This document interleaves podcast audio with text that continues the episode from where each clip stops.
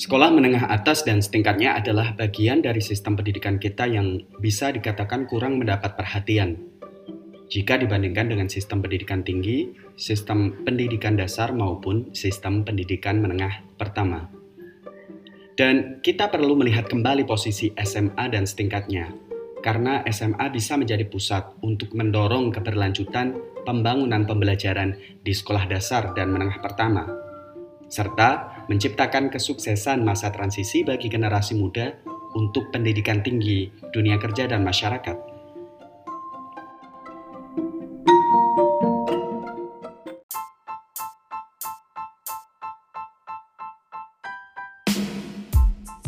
Selamat datang di Reimagine High School.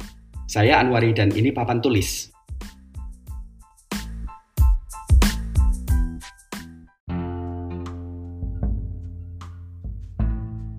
Kita telah belajar banyak dalam beberapa dekade terakhir tentang otak manusia dan kapasitas diri kita untuk pembelajaran secara berkelanjutan. Kemajuan kajian psikologi dan neuroscience secara fundamental telah mengubah cara kita memahami bagaimana remaja berkembang menjadi orang dewasa yang mampu, mandiri, dan percaya diri. Dengan memahami dan menerapkan dasar-dasar ilmu perkembangan otak manusia, kita sebenarnya dapat memberdayakan kaum muda untuk menjadi agen bagi pembelajaran mereka sendiri. Pada kesempatan kali ini kita akan ngobrol bareng terkait sains pembelajaran remaja dengan Sabikotul Husna. Silakan Mbak Sabik untuk memperkenalkan diri. Oke, terima kasih Mas Anwari. Uh, uh, saya Sabi, bidang saya di psikologi khususnya neuropsikologi atau kalau di sini biasanya di uh, sebut dengan biopsikologi. Kayak kesibukan uh, saat ini uh, karena masih pandemi, uh, saya bersamai adik-adik mahasiswa, dosen uh, di UIN Sunan Kalijaga, tapi uh, karena pandemi ya uh, kegiatannya secara online. Kita akan mencoba memulai obrolan kali ini dengan seperti apa sebenarnya atau bagaimana remaja belajar dan tumbuh dari perspektif bidang yang Mbak Sabik pelajari dan dalami? Uh, mungkin di sini saya sharing uh, sebatas uh, apa ya pengetahuan saya ya saat ini dalam memahami konteks uh, anak didik remaja di tingkat SMA pada khususnya uh, apa sih yang perlu kita pahami khususnya bagi para pendidik itu sendiri uh, kalau dalam konteks neuroscience yang lebih luas ya, kalau neuropsikologi itu sebetulnya lebih khusus lagi untuk uh, memahami proses uh, mental dan perilaku yang lebih ke uh, bukan perilaku normal, tapi kalau neuroscience itu uh, bagaimana kita melihat penalaran proses mental berkaitan dengan perilaku uh, secara umum manusia pada umumnya. Nah, dalam konteks remaja kita perlu tahu bahwa uh, perkembangan otak uh, manusia itu mengalami fase-fase tertentu. Dan di fase remaja sebetulnya ada sebuah fase perkembangan yang perlu kita ketahui apa konsekuensinya. Karena uh, tidak tidak semua dari kita paham bahwa otak kita sebagai uh, sesuatu yang menjadi sistem pusat kontrol bagaimana kita berperilaku, berpikir itu mengalami fase-fase tertentu dalam konteks perkembangannya. Nah, kita tahu bahwa uh, perkembangan yang paling pesat itu memang ketika uh, individu itu berusia 2 sampai 3 tahun. Uh, biasanya usia 6 tahun itu otak manusia telah berkembang sampai 90%. Nah, sisanya 10% itu berkembang ketika individu itu memasuki usia remaja. Nah, usia remaja kalau dalam konteks SMA itu biasanya usia berapa ya, Mas Anwari? Mungkin uh, 16 uh, 16 sampai, sampai 18, 18 ya. Benar. 16, 17 18. Nah, itu biasanya masuk ke kategori middle adolescence dan late adolescence ya. Nah, di situ ada beberapa hal yang uh, dari riset-riset neuroscience terkini kita bisa paham bahwa uh, ada perkembangan tertentu yang terjadi di sistem otak remaja itu yang membuat uh, remaja bersikap atau memiliki persepsi uh, tertentu yang tidak sama dengan misal uh, fase anak-anak maupun fase dewasa. Jadi remaja perlu dipahami dengan karakteristik tersendiri sesuai dengan perkembangan emosinya, perkembangan sistem kognitifnya dan juga perkembangan fisiknya tentu saja. Karena itu sangat uh, berkaitan erat dengan bagaimana kita membersamai para remaja ini di uh, konteks sekolah dan juga konteks aktivitas sehari-hari. Nah, mungkin nanti akan lebih uh, detail tapi secara general seperti itu. Yang perlu diketahui adalah uh, ada karakteristik tersendiri yang uh, sedang terjadi di level perkembangan sistem otak remaja yang itu akan berpengaruh pada uh, bagaimana remaja itu bersikap, bagaimana remaja itu memiliki persepsi di setiap uh, aktivitas dan uh, lingkup keseharian mereka. Tentang karakter remaja yang bisa kita lihat dari perkembangan ilmu neuroscience dan brain development, sebenarnya apa implikasinya informasi yang kita dapat tadi untuk dunia pengajaran?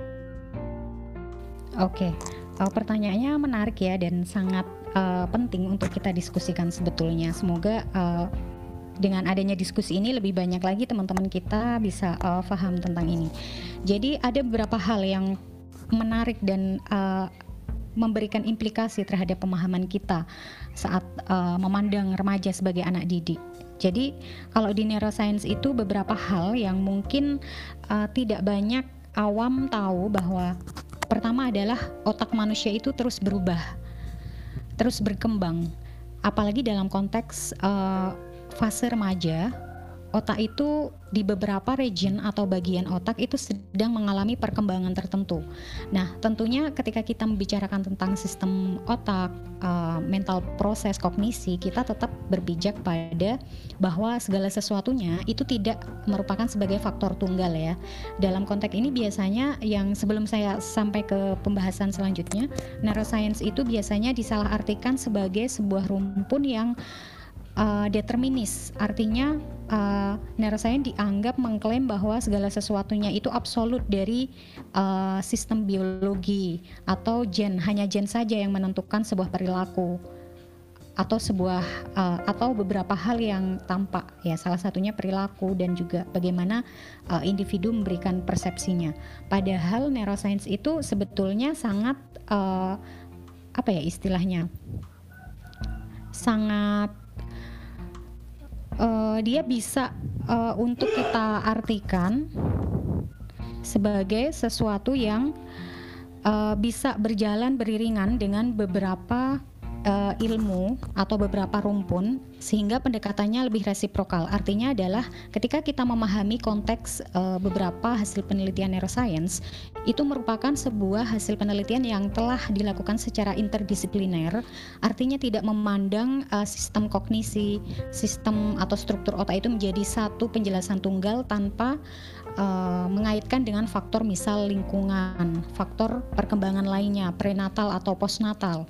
Jadi uh, tadi ya memahami pertama otak manusia itu sebetulnya berkembang sepanjang waktu dalam konteks beberapa fase.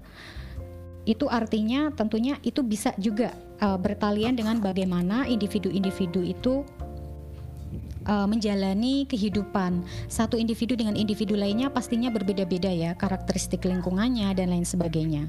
Kemudian uh, hal kedua yang mungkin uh, cukup menarik untuk kita tahu dari riset-riset neuroscience terkait dengan khususnya teenage brain ini adalah perubahan otak perkembangannya itu tidak uh, selesai dalam waktu sekejap saja. Jadi bahkan dalam level uh, sistem perkembangan otak remaja itu mulai dari uh, paling awal itu usia 11 tahun sampai akhir 20 tahun itu terus berkembang. Nah, uh, bayangkan perkembangan pastinya memberikan konsekuensi tersendiri ya terhadap bagaimana individu itu berperilaku dan memiliki persepsi. Nah, salah satu yang paling uh, menarik untuk kita ketahui tentang uh, teenage brain ini adalah uh, dalam uh, sistem otak remaja ada sebuah region atau bagian uh, kalau secara ilmiah kita sebut prefrontal cortex. Uh, mungkin secara awam adalah ini sebuah uh, bagian otak struktur otak yang biasanya uh, berkaitan dengan bagaimana uh, kontrol perilaku itu terjadi. Kontrol perilaku itu biasanya meliputi bagaimana individu itu merencanakan sesuatu atau uh, menganalisis ketika me menemui sebuah stimulus atau uh, menghadapi sebuah masalah, maka dia bisa merencanakan problem solving. Nah, region otak yang dinamakan prefrontal cortex ini di uh, fase remaja itu sedang berkembang. Nah, berkembangnya ini belum sempurna. Maka dari itu, konsekuensinya uh, remaja biasanya depend pada bagian otak atau struktur yang lain. Uh, di sini uh, kita mengenal sebuah istilah uh, ilmiah, ada bagian otak yang dinamakan amigdala. Nah, amigdala ini biasanya digunakan oleh sistem uh, otak remaja untuk apa? merumuskan respon secara instingtif atau merumuskan atau membuat uh, apa ya perencanaan respon yang uh, seketika. Jadi karena uh, sistem region yang uh, digunakan atau yang berfungsi untuk merumuskan pemecahan masalah merencanakan segala sesuatunya, mengukur resiko, membuat keputusan dan lain sebagainya itu belum berkembang secara sempurna, maka uh, sistem kognisi remaja biasanya bertumpu pada amigdala tadi yang biasanya membuat remaja lebih cenderung bersikap secara instingtif, tidak berpikir uh, terhadap resiko jangka panjang. Nah, itu tentang uh, konteks gimana riset-riset neuroscience salah satunya mau menjelaskan mengapa remaja biasanya uh, perilakunya impulsif, uh, risk taking behavior banget dia si remaja ini dibanding misal orang dewasa ataupun anak-anak.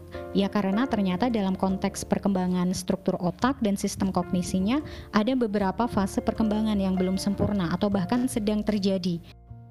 Satu pandangan umum oleh mayoritas orang terhadap neuroscience yang masih terlalu dikaitkan dengan intelijensia dan genetis yang implikasinya mungkin bisa kita lihat bagaimana pendidikan treat yang namanya kecerdasan. Kedua, brain development pada level remaja. Bisakah kita melihatnya bahwa remaja sedang searching for identity? Iya, Uh, saya setuju banget uh, Mas Anwari. Jadi yang pertama tadi ya pandangan kekeliruan mungkin uh, stereotyping ataupun pemahaman yang belum sempurna bahwa uh, neuroscience seolah-olah menjadikan uh, pandangan terhadap uh, warisan neurologis itu menjadi satu-satunya yang akan menentukan segala sesuatu, misal intelijensi dan lain sebagainya. Nah, publik kadang uh, mengartikan ini menjadi sesuatu yang sangat determinis. Dan kalau sudah di posisi seperti ini neuroscience bisa dijadikan uh, pandangan yang sangat reduksionis yaitu hanya menyoroti fungsi otak dan lain sebagainya fungsi gen dan lain sebagainya sebagai penentu satu-satunya. Padahal tidak demikian. Uh, dalam konteks uh, tadi ya melihat perkembangan otak remaja saja perkembangannya itu belum uh, dikatakan sebagai otak yang sempurna nah ketika kita memahami itu kan berarti uh, proses misal mulai dari anak-anak hingga remaja ya ada sesuatu yang tidak hanya kognisi yang me, apa memberikan peran untuk uh, seorang individu misal berperilaku tertentu atau uh, mempersepsikan segala sesuatunya dengan uh, persepsi dia. Artinya uh, sebenarnya neuroscience itu perspektif dan rumpun ilmu yang berprinsip pada landasan dasar setiap individu itu memiliki sistem operasi yang uh, kompleks pada level sosial, level kognitif, level neural dan uh, pada akhirnya kita perlu memahami bahwa ada interaksi yang sangat uh, dinamis di situ antara gen disposition, lingkungan, uh, proses bagaimana agen-agen uh, di lingkup anak-anak uh, dan remaja yaitu orang tua pendidik itu memberikan uh, apa ya fasilitas atau membersamai mereka tumbuh. Jadi uh, semoga adanya apa ya riset-riset neuroscience di di sini neuroscience itu juga ada subnya ya misal social neuroscience, cognitive neuroscience di situ uh, riset itu dibangun tidak dalam uh, satu disiplin saja tapi multidisiplin, interdisiplin. Artinya ketika me membuat sebuah penelitian tentang bagaimana remaja misal ber, remaja berkebutuhan khusus uh, memiliki proses belajar tersendiri. Nah, itu tidak neuroscience saja yang di apa ya yang dibedah tapi neuroscience bersama misal uh, social psychology atau neuroscience bersama developmental psychology itu bersama-sama membedah fenomena itu. Jadi hasil dari riset itu perlu dipahami sebagai hasil dari interdisciplinary riset. Nah, kemudian yang kedua tadi yang uh, tentang konteks perkembangan remaja lebih khusus bisa diartikan searching for identity iya. Karena remaja itu tadi uh, karena proses perkembangan otaknya sedang dalam konteks tahap perkembangan menuju uh, otak yang sempurna sepenuhnya tapi belum, maka dia memang cenderung untuk mencari sensasi-sensasi uh, pengalaman-pengalaman beresiko uh, sangat tertarik dengan hal-hal yang mungkin bagi dirinya berkaitan erat dengan yang namanya reward system. Jadi uh, di sistem otak remaja itu juga uh, diteliti tentang mengapa remaja itu sangat uh, peduli dengan penghargaan uh, teman sebaya atau peer. Uh, dia ingin diterima di situ karena reward system dia yang uh, paling kuat itu memang melihat uh, teman sebaya atau peer itu sebagai uh, kelompok yang memberikan penghargaan paling tinggi. Jadi biasanya kan kita ngelihat uh, perilaku remaja itu cenderung kalau sama orang tua cuek. Mungkin kalau sama guru biasanya kadang ada sebagian yang uh, apa ya memiliki masalah komunikasi atau apa. Tapi kalau sama peer mereka merasa seia sekata mereka lah yang bisa memberikan penghargaan paling memuaskan untuk dirinya. Nah itu sebenarnya banyak riset interdisiplinari di situ membedah fenomena itu dari sosial neuroscience, dari uh, biopsikologi, kognitif neuroscience karena di neuroscience sendiri neuroscience itu kan uh, payung besar ya. Nah, di bawahnya itu ada uh, sub rumpun yang uh, ketika diimplementasikan di riset itu akan memperkaya wawasan kita dalam konteks memahami fenomena. Remaja dan labil, melihat fenomena ini adakah contoh atau penjelasan terkait bagaimana sekolah khususnya SMA setingkat untuk bisa melakukan pendekatan atau bridging antara remaja dan karakternya dengan proses pembelajaran di lingkungan sekolah maupun di kelas. Hmm. Oke, okay, uh, eh, menarik sekali ya karena sebetulnya goal dari uh, riset-riset interdisiplinary neuroscience itu uh, agar bagaimana hasil itu bisa digunakan sebagai tool untuk kebijakan pendidikan secara aplikatif. Jadi uh, goal utamanya itu adalah membuat bagaimana uh, organisasi-organisasi dan institusi pendidikan itu bisa menerapkan yang namanya science based education policy. Jadi membuat policy, membuat kebijakan edukasi pengembangan pendidikan berdasarkan science atau hasil riset terbaru yang interdisiplinari tadi. Nah, permasalahannya adalah neuroscience sendiri kalau dalam konteks uh, di Indonesia. Di Indonesia itu sangat terbatas uh, apa ya multidisciplinary interdisciplinary riset uh, kalaupun ada itu di higher education dan uh, mendeliver hasil-hasil interdisciplinary riset uh, di luar higher education itu masih sedikit ya. Artinya bagaimana memberikan informasi tersebut terhadap pemangku kebijakan dan juga para pendidik di level misal uh, primary school, SMP, SMA.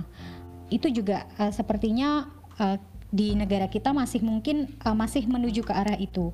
Bahkan dalam level uh, saya pernah melihat beberapa dokumentari video dalam level apa negara-negara luar mereka sebetulnya ingin merancang sebuah uh, apa ya pendekatan agar uh, interdisciplinary perspektif tentang social neuroscience, psikologi dan lain sebagainya itu difahami anak-anak didik kita sejak di masa primary school, misal SMP, SMA. Tapi kan itu sulit ya untuk memasukkan uh, hal-hal itu di kurikulum sekolah karena itu biasanya dikenalkan di higher education di universitas. Nah, uh, tantangannya adalah ya itu tadi berarti jalan tengahnya bagaimana cara para peneliti di social neuroscience, di pendidikan, di psikologi itu bersama-sama menghasilkan sebuah uh, hasil penelitian yang kredibel untuk diberikan sebagai pertimbangan pemangku kebijakan di pendidikan primary untuk membuat uh, apa ya pendekatan baru yang lebih dinamis untuk adolescent learning. Nah, kalau berbicara tentang pendidikan untuk uh, remaja, uh, sebetulnya mungkin secara sederhana adalah uh, sama seperti misal yang mungkin sebagian sudah mengimplementasikan, sebagian belum dan sebagian sedang menuju ke sana. Itu adalah uh, apa yang kita sebut atau kita kenal sebagai active learning method atau uh, student centered learning. Nah, uh, pasti Mas Anwari dan juga banyak dari kita semua uh, sudah cukup familiar ya dengan itu. Cuma implementasinya di lapangan itu memang tidak semudah seperti yang ada di teori. Segala sesuatunya kan memang butuh proses ya. Salah satu yang mungkin uh, simple dalam konteks active learning atau student based learning memang pertama yang harus dilakukan itu adalah merekonstruksi bagaimana para pendidik menjadi fasilitator di kelas. Jadi sebelum masuk ke oh bagaimana kita membersamai uh, anak didik kita para remaja ini berarti fasilitatornya uh, para pendidiknya ini dibekali secara cukup uh, tentang metode-metode active learning. Uh, saya rasa uh, saya cukup uh, positif uh, thinking ya bahwa sejauh ini instansi pendidikan dan juga departemen-departemen pemangku kebijakan sebetulnya sudah memberikan cukup uh, wadah untuk uh, mengupgrade atau memberikan uh, skill dan pengetahuan yang uh, terbaru pada para pendidik agar lebih memahami bagaimana mengimplementasikan active learning atau student centered learning. Uh, kalau secara awam kita lihat kalau active learning itu biasanya proporsi uh, siswa untuk berbicara itu akan lebih banyak dibanding guru dan kegiatan-kegiatan di dalam kelas itu didominasi oleh kegiatan yang uh, bersifat diskusi. Artinya tidak searah, tidak uh, pedagogi lagi, tapi andragogi ya.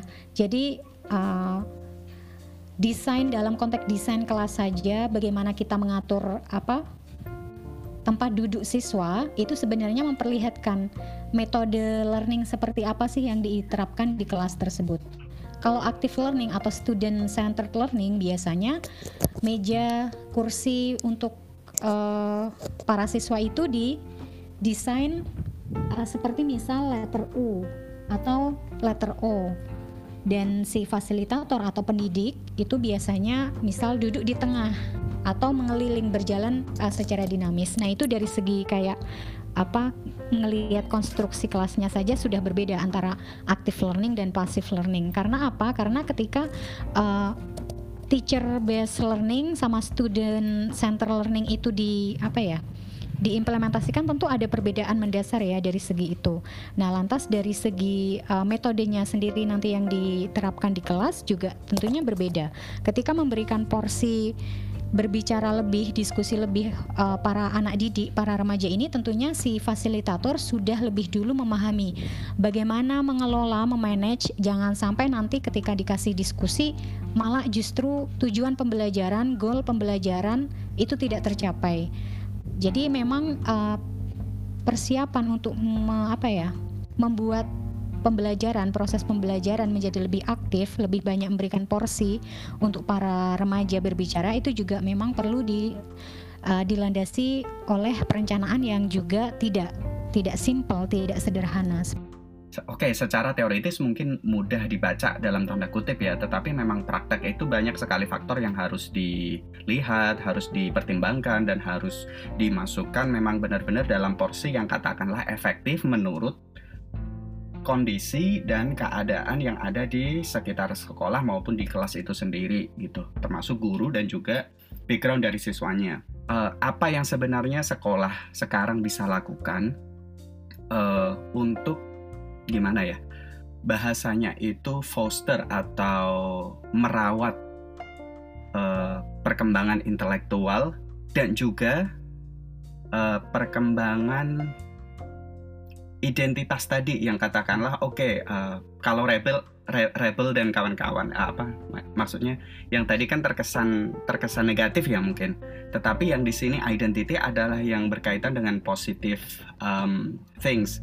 Seperti cultural background mereka kemudian um, potensi mereka Oke, uh, jadi kalau pertanyaannya atau uh, arah diskusinya adalah apa yang uh, bisa sekolah lakukan uh, saat ini untuk membersamai para anak didik remaja ini untuk bisa fokus pengembangan secara positif, uh, juga engage dengan kultural dan lain sebagainya itu adalah uh, mungkin uh, saya tidak tahu ini idealis atau tidak bahwa sebetulnya sekolah bisa uh, membuat apa ya pendekatan yang sebenarnya mudah dilakukan yaitu melibatkan orang tua. Artinya selama ini uh, kadang sekolah dibebani oleh tugas untuk mendidik dan membuat eh, anak-anak didik kita menjadi sopan, pintar dan sesuai ekspektasi orang tua tanpa pelibatan orang tua.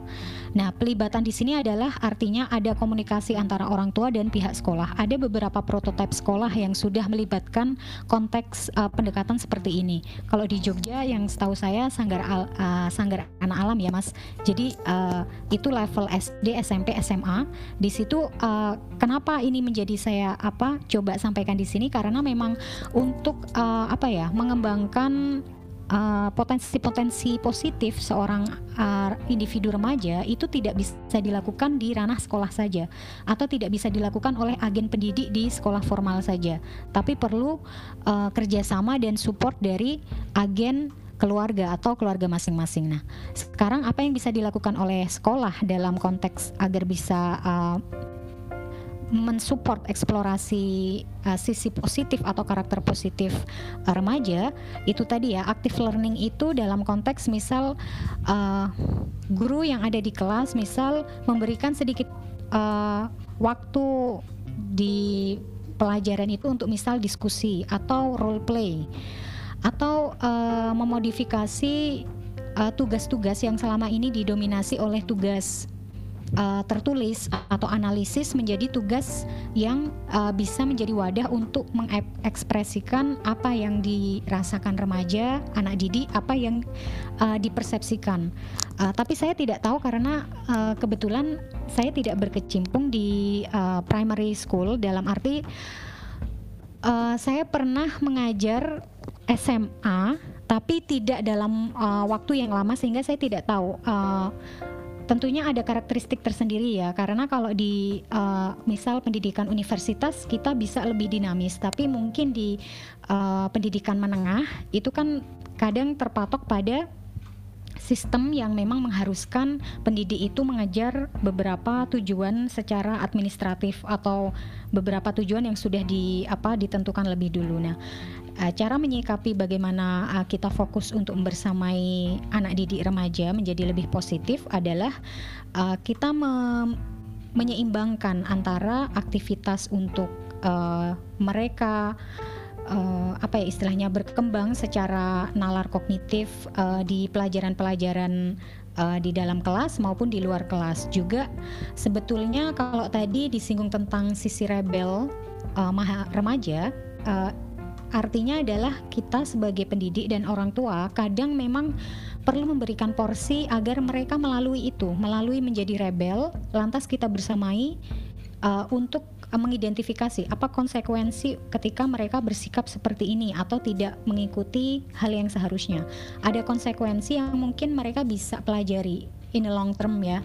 Jadi memang uh, istilahnya tidak bisa instan untuk uh, mengharapkan remaja itu tidak sama sekali memiliki sisi rebel atau tidak sama sekali terjerumus dalam konteks pengambilan keputusan yang kompulsif dan lain sebagainya. Artinya proses pembelajaran remaja itu memang perlu melalui trial error, melalui uh, fase di mana mereka mungkin melakukan kesalahan, lantas dari kesalahan tersebut bisa evaluasi dan memetik sebuah pelajaran. Catatannya adalah jangan sampai ketika uh, remaja sebagai uh, individu yang terlalu risk taking behavior tadi terlalu mengambil perilaku yang beresiko itu uh, sama sekali kita tidak kasih apa ya kita tidak bersamai karena uh, remaja memang masih tetap membutuhkan uh, bantuan untuk menentukan batasan dalam bersikap dalam apa ya mengambil keputusan. Tapi biasanya di konteks uh, membersamai untuk menentukan batasan ini agen-agen pendidik ataupun orang tua sendiri uh, tidak memberikan hak suara. Akhirnya remaja menjadi reluktan tambah uh, mungkin tambah apa ya penasaran terhadap sesuatu yang uh, dianggap orang tua oleh orang tua itu itu tidak baik. Mereka akan semakin merasa tertantang atau tertarik untuk melakukannya. Nah, bagaimana juga ketika uh, kita ingin mereka lebih uh, fokus atau bisa mengeksplorasi sisi positif mereka, uh, saya yakin uh, sistem pendidikan para pendidik saat ini tetap uh, sudah menuju ke arah uh, bagaimana memfasilitasi remaja untuk uh, berkembang secara positif. Yang satu yang paling mudah sebenarnya dilakukan adalah kita sebagai pendidik, orang tua ataupun orang dewasa di lingkup kehidupan remaja itu kita uh, perlu menjadi role model positif tapi friendly atau bersahabat bagi remaja. Jangan sampai kita uh, terlihat uh, membuat gap dengan remaja. Artinya remaja memandang uh, orang dewasa di sekelilingnya para pendidik atau orang tua mereka itu bukan individu-individu yang bisa menjadi sahabat mereka. Mereka akan menjadi tertutup. Tapi sekali lagi ya uh, berbicara seperti ini kan mudah, tapi prakteknya sulit. Saya sendiri tidak apa belum belum memiliki anak remaja.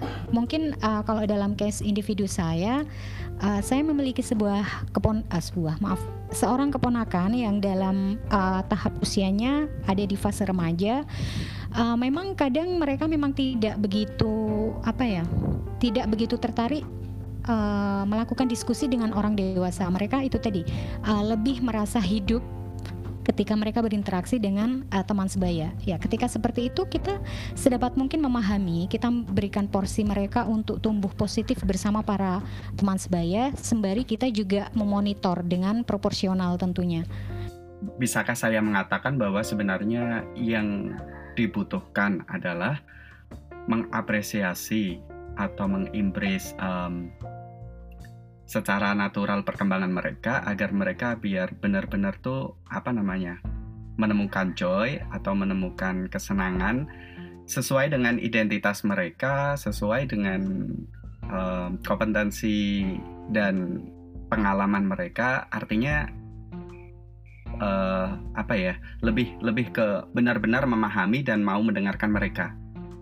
Betul, iya, betul seperti itu. Jadi uh, kita mengembrace bagaimana mereka melalui proses mereka, lantas kita juga mengapresiasi karena dalam konteks uh, remaja kan uh, tahapan setelah anak-anak ya. Nah, uh, repotnya itu ketika kita sebagai orang dewasa uh, sudah kadung terdogma atau terkungkung pada perspektif yang kita dapatkan dulu bahwa dalam apresiasi misal dari apresiasi pendidikan saja kita dikotak-kotakan kita dilabeli tentang konteks pencapaian akademis tertentu berhubungan dengan uh, keadaan ataupun kemampuan kognitif tertentu padahal uh, tadi ya proses mental penalaran dan juga apa ya potensi-potensi kognitif, potensi sosial, potensi kinestetik dan lain sebagainya itu kan sangat diverse atau beragam dan bermacam-macam.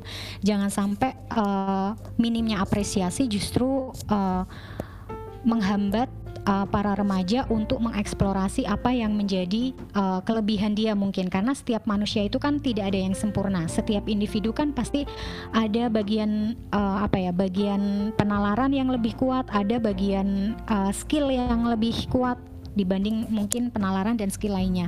Nah, harapannya adalah kita sebagai orang dewasa bisa membantu mereka juga dengan mengimbres segala sesuatunya itu dengan cara kita mengimbres dulu dan kita mengapresiasi dulu. Uh, tapi memang uh, realita di lapangan itu kan memang kita kadung terjebak pada hierarki hierarki pengetahuan ya, hierarki bagaimana kita mengapresiasi sebuah skill, sebuah pengetahuan dan sebuah potensi.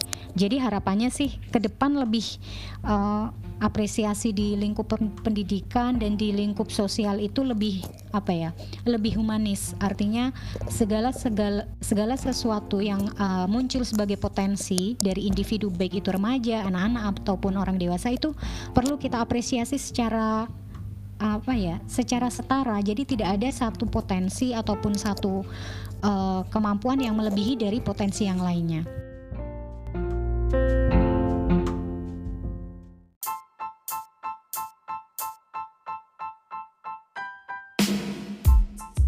Terima kasih sudah mendengarkan Papan Tulis. Anda bisa mendengarkan episode-episode lain dari Papan Tulis di platform Spotify dan Apple Podcast dengan searching Papan Tulis.